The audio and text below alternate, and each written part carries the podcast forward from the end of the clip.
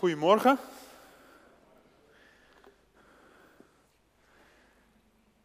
Goed om uh, in uw midden te zijn, wat uh, word ik dubbel versterkt. Ik ga met u lezen uit Efeze 2.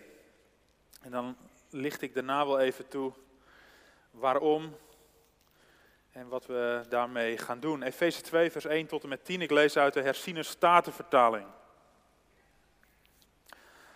En dan staat er boven in die herziene statenvertaling uit genade, zalig.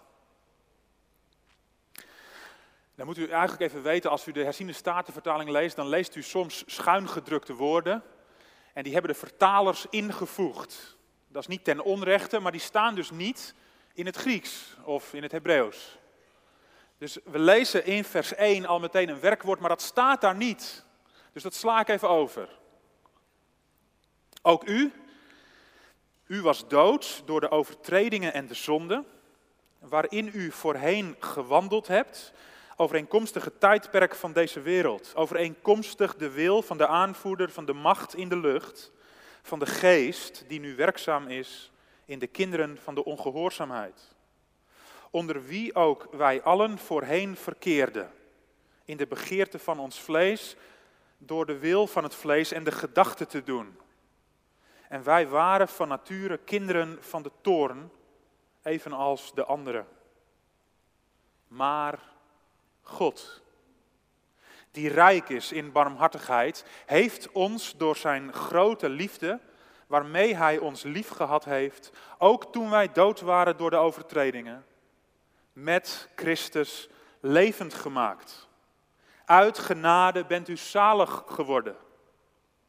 En heeft ons met Hem opgewekt en met Hem in de hemelse gewesten gezet in Christus Jezus. Opdat Hij in de komende eeuwen de alles overtreffende rijkdom van Zijn genade zou bewijzen door de goedertierenheid over ons in Christus Jezus. Want uit genade bent u zalig geworden door het geloof. En dat niet uit u, het is een gave, de gave, sorry, van God.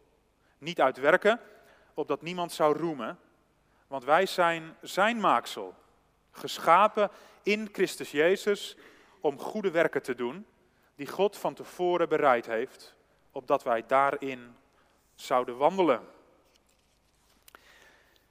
U hebt er ongetwijfeld al iets over gezien of gehoord, althans dat stel ik mij zo voor. Want 31 oktober, dus aan het eind van deze maand, nog maar een paar dagen, dan herdenken we in Nederland, als protestanten in Nederland, de Reformatie.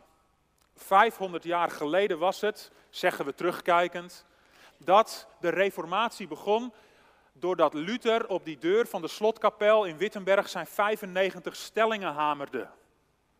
Je kunt die deur zien als het prikbord van de universiteit van die tijd. En Luther ageerde met zijn 95 stellingen tegen wat hij mis zag gaan in de kerk van zijn dagen. En hij was niet de enige. Er kwamen anderen. tegelijkertijd met Luther ongeveer kwam Zwingli in Zwitserland met vergelijkbare ideeën. En dat werd opgepakt en dat werd uitgebreid. Er kwamen mensen bij en die reformatie die groeide. Mensen zeiden we moeten terug naar de Bijbel. We moeten eigenlijk loskomen van al die misstanden die er in de loop van de tijd zijn ontstaan, die we als kerk hebben toegevoegd, maar die geen basis, geen bron vinden in het woord van God. We moeten terug naar de Bijbel. En een van de leidende principes van die reformatie, van die tijd dat de kerk helemaal hervormd werd, die wil ik vanmorgen met u behandelen. Dat is het sola gratia, door genade alleen. U moet zich voorstellen, Luther had te maken met de kerk die aflaten verkocht. En u weet waarschijnlijk wel, een aflaat, dat is een, een schriftelijk bewijs dat je kon kopen van de kerk, waar dan op aangetekend stond dat je vergeving had ontvangen voor een bepaalde zonde. En Luther zei daarover, je kunt wel aflaten verkopen, maar je moet de mensen wel vertellen dat het niet verplicht is. Je mag wel geld uh, genereren voor de doelen van de kerk, maar dan moet je het niet doen alsof er buiten de kerk, buiten die aflaten, geen vergeving beschikbaar zou zijn. Alsof je verlossing van die aflaten afhangt. Nee, zei Luther, dat mag absoluut niet. En dan komen we eigenlijk al in de buurt van het sola gratia. Door genade alleen. Je verlossing hangt niet af van wat je koopt. Hangt niet af van je lidmaatschap van de kerk of een gemeente.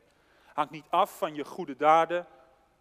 Je verlossing hangt af van genade alleen. Dat is wat Paulus in Efeze 2 ook zegt.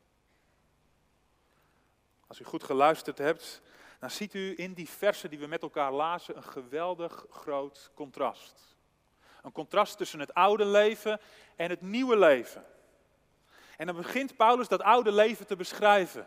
En dan zegt hij tegen die heidenen in Efeze, daar kunnen we ons eigenlijk ook nog wel een beetje een voorstelling bij maken. die heidenen in Efeze die liepen die tempel voor Artemis plat. Die, die gaven zich helemaal over aan de tempelprostitutie en allerlei andere primitieve denkbeelden. Dan zegt Paulus tegen die heidenen, u was dood, u was slaaf, u was kind van de toorn. En dan denken we, nou daar heeft Paulus gelijk in. Hè? Zoveel afgoderij in het leven, dan ben je inderdaad dood. Dan ben je geestelijk dood. Dan ben je slaaf en dan ben je een kind van de toorn van God. Dan ben je onder de toorn van God. Maar het is opvallend dat Paulus zich niet alleen richt op die heidenen in Efeze. Want in vers 3 lezen we, onder wie ook wij allen voorheen verkeerden. Hij schaart zichzelf en zijn eigen volk ineens helemaal bij die heidenen.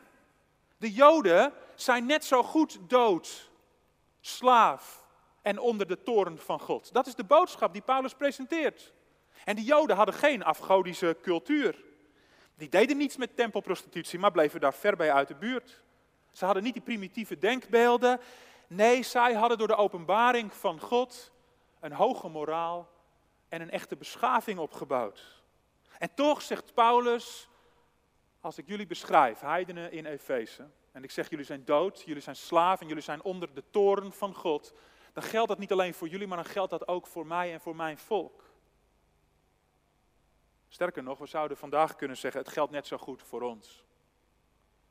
Het geldt net zo goed voor ons. Paulus eindigt vers 3 met deze woorden, evenals de anderen. Wij zijn ook inbegrepen. Laat me het uitleggen. Paulus opent Efeze 2 met de gedachte dat u dood was. Of u nou heiden bent in Efeze, Jood of heiden in Emmeloord. U was dood. Waarom dan? Nou, door de overtredingen en de zonde, zegt Paulus. Dat woord overtredingen, dat wordt door de MBV vertaald met misstappen. En dat heeft iets in zich van het niet bewust zijn van het feit dat je fouten maakt. Je doet het per ongeluk. En dan is de gedachte, ondanks het feit dat je misschien per ongeluk fouten maakt, heeft dat wel grote gevolgen. Zeker als daar dan die zonden bij worden gevoegd, dan is het resultaat dat je dood bent.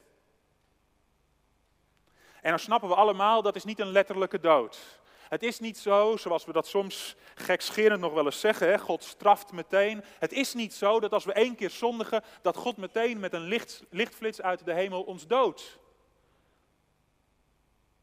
Dus het is niet letterlijk. En, en toch is het ook niet figuurlijk. En ik hoop dat u dat begrijpt. We hoeven niet te denken dat het maar een beeld is waar Paulus over spreekt en dat het ons dus eigenlijk niet echt raakt. Nee, Paulus heeft het niet over een letterlijke dood in fysieke zin. Paulus heeft het over een letterlijke dood in geestelijke zin. Door de overtredingen en de zonde kunnen we niet meer bij God komen. We kunnen niet voldoen aan de eis die God terecht op ons leven heeft gelegd. Wij kunnen daar niet aan voldoen en dus zijn we geestelijk dood. We zijn afgesneden van de God van het leven. We zijn dood. Ja, zegt Paulus, je bent niet alleen dood, je bent ook slaaf. Hij schetst dan in vers 2 dat die heidenen in Efeze gewandeld hebben overeenkomstig het tijdperk van deze wereld, overeenkomstig de wil van de aanvoerder van de macht in de lucht, van de geest die nu werkzaam is in de kinderen van de ongehoorzaamheid. Paulus heeft het ineens over de duivel. Hij zegt, jullie hebben gewandeld niet volgens de wil van God. Je hebt gedrag vertoond dat niet overeenkomt met de wil van God, maar je hebt gedrag vertoond, je hebt gewandeld helemaal in lijn met de wil van de boze. Hij heeft je verleid en jij hebt je laten verleiden. Dat is dan het gevolg dat er gewandeld is in de begeerte van het vlees door de wil van het vlees en de gedachten te doen. Dat vlees, dat is bij Paulus heel vaak een aanduiding van onze zondige verlangens. Dat komt op uit ons vlees, als tegenhanger van de geest. Dus je bent slaaf. Je hebt zelf voor die slavernij gekozen. Of je daar nou van bewust bent of niet. Maar je hebt je laten leiden door een ander. Je bent meegegaan in die verlangens die in jezelf zijn opgekomen. Je was slaaf. En dan het derde element, het logische gevolg van die eerste twee. We waren kinderen van de toorn. Die overtredingen en zonden, die zelfgekozen slavernij, die hebben een logisch, maar bijzonder verstrekkend gevolg. We zijn onder de toorn van God. God die de heilige is, de rechtvaardige, die kan de zonde niet door de vingers zien. Alsof het hem niet zou raken, alsof het zijn verlangens en zijn plannen niet zou raken. Nee, juist omdat die zonde ingaat tegen wie hij is, omdat die zonde ingaat tegen zijn karakter, kan die niet anders dan reageren met toren. Staat het oordeel ons te wachten. Dat is de boodschap die Paulus zo in die eerste drie versen neerlegt.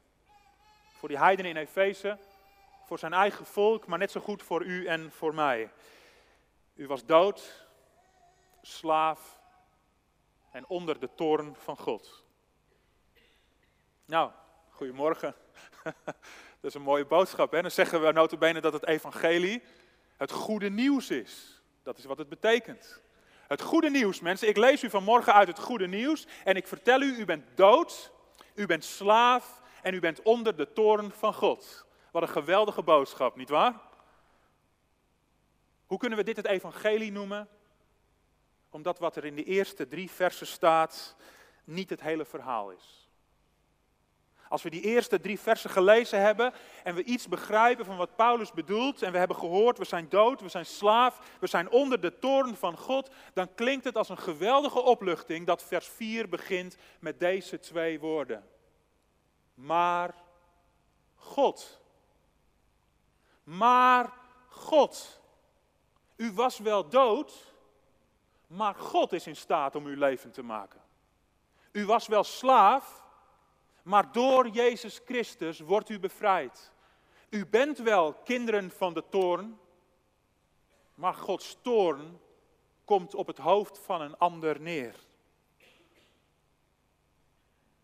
U was dood? Absoluut. U was slaaf? Zeker. U was onder de toorn van de heilige en rechtvaardige God. Inderdaad, het is onontkoombaar. U was het zelfs van nature, zegt Paulus. Maar God.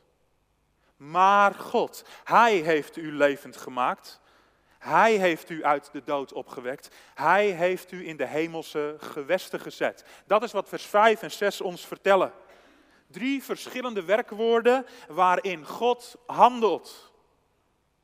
En drie verschillende werkwoorden die alle drie gecombineerd zijn met dat ene woordje met. U bent niet levend gemaakt op uzelf, opgewekt, helemaal alleen of in de hemelse gewesten gezet, zonder een ander. Het is steeds met, met Christus. De geweldige omkeer van die oude positie naar die nieuwe, die valt of staat met de aanwezigheid van Jezus Christus. Die kan alleen maar gebeuren met Christus. En dan vat Paulus het als het, als het ware als volgt samen. In vers 5. Uit genade bent u zalig geworden. Uit genade bent u zalig geworden. Je mag ook vertalen, door genade bent u gered. Dat is het sola gratia van de reformatie. Door genade alleen. En Paulus legt daar nadruk op, want hij vertelt dat niet alleen in vers 5, maar hij herhaalt exact dezelfde woorden in vers 8. Door genade bent u gered. Genade. Dat is zo'n typisch christelijk woord. Als je Jezus Christus niet kent, dan, dan kun je dat woord eigenlijk ook niet goed begrijpen.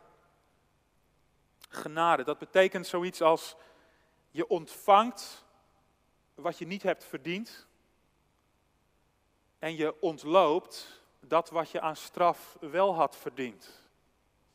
Dus de toorn van God, die wijkt voor zijn redding. En de dood die wij waren, of die wij ontvingen, die wijkt voor het leven.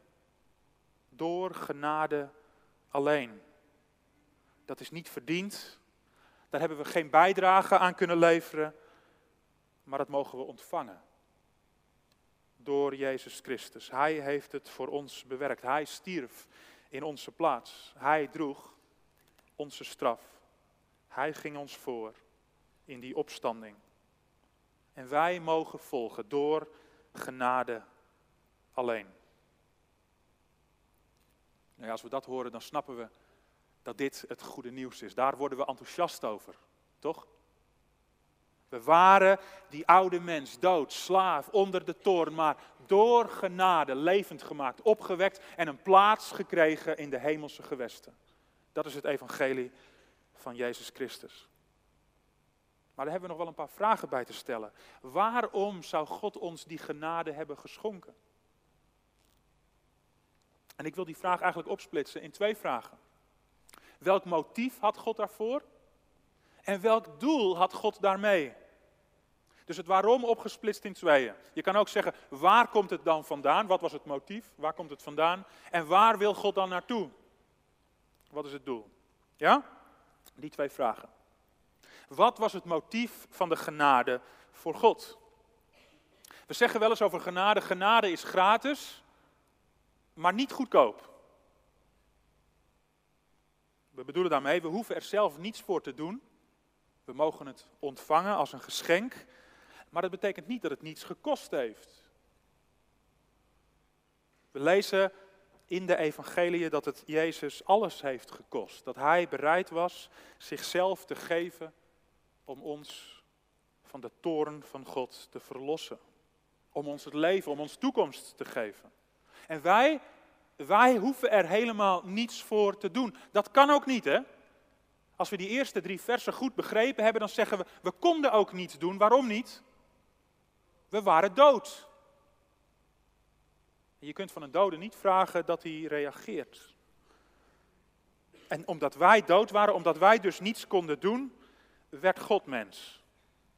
Jezus werd geboren uit een vrouw, leefde als mens op zijn eigen schepping, was volmaakt, zonder de overtredingen, zonder de zonde die de dood tot gevolg zou hebben gehad. Was dus geen slaaf, liet zich niet verleiden door de boze en was ook niet onder de toorn van God. Toch stierf hij. Toch stierf hij. Hij had het niet verdiend, maar hij stierf wel. Om zo de straf te dragen voor u, voor jou en voor mij. Maar waarom deed hij dat nou? Waarom wilde hij die weg van lijden gaan? Kijk mee naar vers 4. Maar God, die rijk is in barmhartigheid, heeft ons door zijn grote liefde, waarmee hij ons liefgehad heeft, ook toen wij dood waren door de overtredingen, met Christus levend gemaakt. Gods liefde is groter dan zijn toren over de overtredingen en zonden uit ons oude leven. Het is zijn grote liefde waarmee hij ons heeft liefgehad, van waaruit hij die genade heeft aangereikt. Die grote liefde die hem gedrongen heeft om naar deze wereld te komen en die lijdensweg te dragen in jouw plaats, in uw plaats en in mijn plaats. God houdt van jou. Dat is de conclusie die we moeten trekken. Waarom wilde God zijn eigen zoon geven? Eenvoudig vanwege deze reden. God houdt van jou. Hij gaf zichzelf. En daar zou ik voor vanmorgen aan willen toevoegen. Hij gaf niet alleen zichzelf omdat hij van je houdt, maar hij roept je ook vanmorgen omdat hij van je houdt. Als we een paar bladzijden verder bladeren in Efeze 5, vers 14, dan lezen we deze woorden. Daarom zegt hij, ontwaak, u die slaapt, en sta op uit de doden en Christus zal over u lichten. Dat verhaal wat Sipke net vertelde, van mensen die het evangelie wel kennen, maar het niet kunnen aanvaarden, dat is een bekend probleem. En als je dan deze woorden leest uit Efeze 5, vers 14, dan denk je, wat is dat eigenlijk een gekke oproep? En zo wordt er ook op gereageerd. Als je mensen die woorden voorhoudt en zegt, dit is wat God tegen je zegt. Ontwaak u die slaapt en sta op uit de doden. Dan zeggen mensen, ja maar hoe kan dat nou? Ik kan toch niet reageren? Ik heb toch net van Paulus in hoofdstuk 2, vers 1 gehoord dat ik dood ben door mijn eigen overtredingen, door mijn eigen zonde. Hoe kan ik dan reageren? Hoe kan ik dan opstaan uit de dood? Daar heb ik de kracht toch niet voor? Ik wil twee voorbeelden geven vanuit de Bijbel om u te laten zien dat dat precies is wat God wel van u vraagt. En dat God het ook van u kan vragen, omdat God u daar de kracht voor geeft. Twee voorbeelden. In de eerste plaats gaan we even naar Johannes 1. En u mag bij Johannes de vinger houden als u meeleest, want in de tweede plaats gaan we naar Johannes 5. Johannes 1, de versen 11 en 12. In de opening van het Johannes-evangelie presenteert Johannes Jezus. En dan zegt hij in vers 11 dit over Jezus. Hij kwam tot het zijne, maar de zijnen hebben hem niet aangenomen. Jezus wordt geschonken aan de wereld, die wereld die hij zelf gemaakt heeft. Hij komt binnen op een plek in zijn eigen volk, de zijnen. Maar ze nemen hem niet aan. Hij wordt als geschenk gegeven, maar het geschenk wordt niet aanvaard. Maar dan vervolgt Johannes in vers 12 met deze woorden: Maar allen die hem aangenomen hebben, hun heeft hij macht gegeven kinderen van God te worden. Namelijk die in zijn naam geloven. Met andere woorden, je kunt kind van God worden door Jezus Christus aan te nemen. En daar moeten we dat beeld misschien voor gebruiken van een cadeau dat je krijgt op je verjaardag. Want de weerstand, u snapt dat waarschijnlijk wel, de weerstand die bij deze gedachte opkomt en die mensen vanuit bepaalde kerkelijke achtergronden hebben gehoord, is deze. Ik kan toch dat niet aannemen, want dan betekent het dat ik zelf heb bijgedragen aan mijn verlossing. En het is toch sola gratia, door genade alleen. Daar gaat het toch om in Efeze 2. Inderdaad. Het is door genade alleen. Maar wie van u, wie van u zegt op het moment dat u op uw verjaardag een groot cadeau krijgt, wie van u zegt, ik heb het aangepakt en uitgepakt en nu klop ik mezelf op de borst omdat ik zo'n geweldig cadeau gekregen heb. Nu ga ik me toch een partij roemen, nu laat ik me toch voorstaan op dat geweldige cadeau dat ik notabene heb aanvaard. Ik heb het uitgepakt. Als u zichzelf zo presenteert, dan zegt ieder ander die dat hoort van, ja maar wacht eens even, je hebt dat cadeau niet zelf gekocht. Je hebt het waarschijnlijk niet eens zelf uitgekozen. Laat staan dat je het zelf betaald hebt. Dan kun je jezelf toch niet op de borst kloppen dat je het hebt aanvaard en uitgepakt. Het is toch nog steeds een geschenk. Zo is Jezus Christus ons geschonken, mensen. En we mogen Hem aannemen. Niet om onszelf op de borst te kloppen dat we onszelf gered zouden hebben. Nee, we herkennen alleen maar in Jezus Christus de genade van God. Als dat u nog niet genoeg is, dan gaan we naar het tweede voorbeeld. Of misschien zegt u, ik kan het later ook wel gebruiken. Sipke, waar zit je? Als je weer in Genemuiden bent. Hoe kan een dode reageren op het aanbod van genade? Jezus geeft antwoord in Johannes 5, vers 25. En dat houd ik u vanmorgen voor. Als u zich niet zeker bent, als u niet zeker bent over uw verlossing, dan houd ik u van, vanmorgen Johannes 5, vers 25 voor. Daar zegt Jezus, voorwaar, voorwaar. Amen, amen. Ik zeg u, de tijd komt en is nu dat de doden de stem van de Zoon van God zullen horen en dat wie hem horen zullen leven. Hoe kan ik het woord van God aanvaarden? Hoe kan ik het mezelf toe-eigenen als ik dood ben? Nou, zegt Jezus, de tijd komt en is nu dat doden de stem van de Zoon van God zullen horen. Mensen, de tijd is nu dat Jezus Christus tegen u zegt, het is door mijn genade dat je gered bent. Je mag het aanvaarden. Je hebt er helemaal geen bijdrage aan, want ik heb alles al gedaan. Maar de tijd komt, die tijd is nu, dat jij die dood bent, de stem van de Zoon van God zult horen. En dat je zult leven. Het blijkt helemaal niet zo'n bizarre oproep. Sta op uit de dood en Christus zal over u lichten. Want God zelf stelt ons daartoe in staat, omdat Hij van ons houdt. Hij roept ook jou vanmorgen, omdat Hij van je houdt. En je mag reageren. Door in geloof op die uitnodiging in te gaan. Van dat geloof zegt Paulus trouwens in vers 8. Overigens geldt dat voor het hele voorgaande deel van het vers niet alleen over geloof, maar hij zegt, dat is niet uit u. Die genade, dat geloof, het is niet uit u. Het is de gave van God. Dus als we zoeken naar het motief, waarom heeft God die weg van lijden willen gaan? Waarom heeft Jezus die weg van lijden willen gaan? En waarom schenkt Hij ons dan die genade? Het is uit Zijn liefde.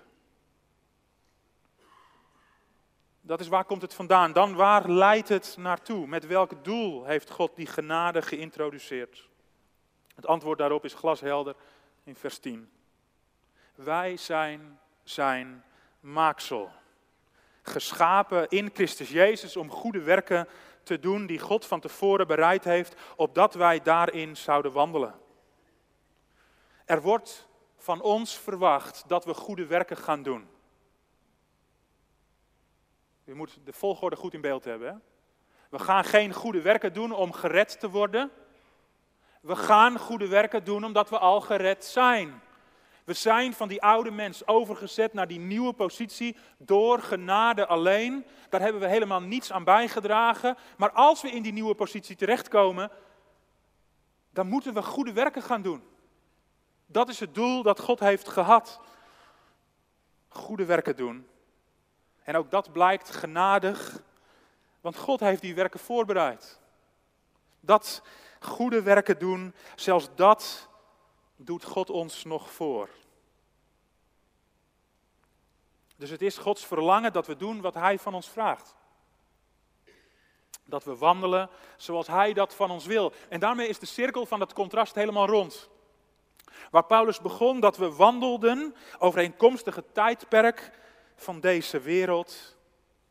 Dat was de oude situatie. Dan pakt Paulus die draad van dat wandelen op in vers 10 en dan zegt hij: Het is de bedoeling dat je wandelt in die goede werken die God al heeft bereid. Het contrast is compleet. Daartoe heeft God ons herschapen. Dan wandelen we over een weg die niet leidt tot dood, slavernij of toorn, maar dan leidt die weg van gehoorzaamheid tot eer van God. Maar die weg is niet altijd makkelijk, hè? Die weg van goede werken is niet altijd makkelijk. Waar vinden we nu die motivatie om die weg te bewandelen, om op die weg enthousiast te blijven? Om niet terug te vallen in die oude weg, die oude wandel. Sommige mensen geven antwoord op die vragen en die zeggen nou, weet je, die eerste drie versen, die negatieve schets van wie die mens was, die moeten we maar een beetje afzwakken. Want dat stoot mensen tegen de borst. Dat is een schop tegen het zere been. Daar moeten we maar niet te veel woorden aan vuil maken. Het is misschien beter om meteen in te zetten op de liefde van God. Maar weet u wat ik denk? Als we dat achterwege laten, als we meteen beginnen bij die nieuwe positie, dan begrijpen we eigenlijk helemaal niet meer wat God heeft gedaan.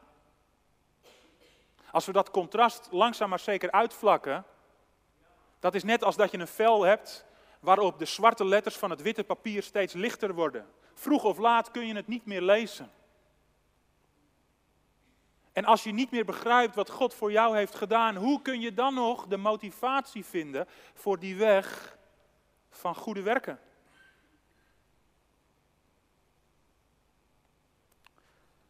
Ik denk dat het antwoord, waar vinden we de motivatie, ligt in de tekst zelf.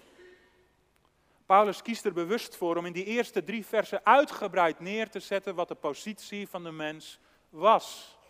Want als we begrijpen hoe groot dat contrast is, als we in beeld hebben en houden hoe geweldig God voor ons gewerkt heeft, dan worden we enthousiast. En dan willen we doen wat God van ons vraagt, omdat we niet meer naar die oude situatie, naar dat dode leven, naar dat slavenleven, naar dat leven onder de toren terug willen.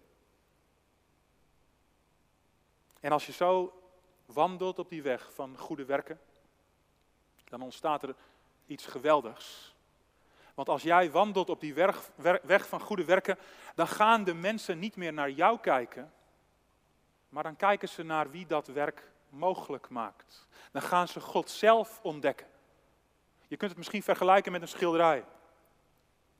Als je een goede schilder hebt, dan maakt het niet uit wat hij geschilderd heeft, of het nou een landschap of een portret is of iets anders. Maar bij een goede schilder staan mensen voor dat schilderij te kijken.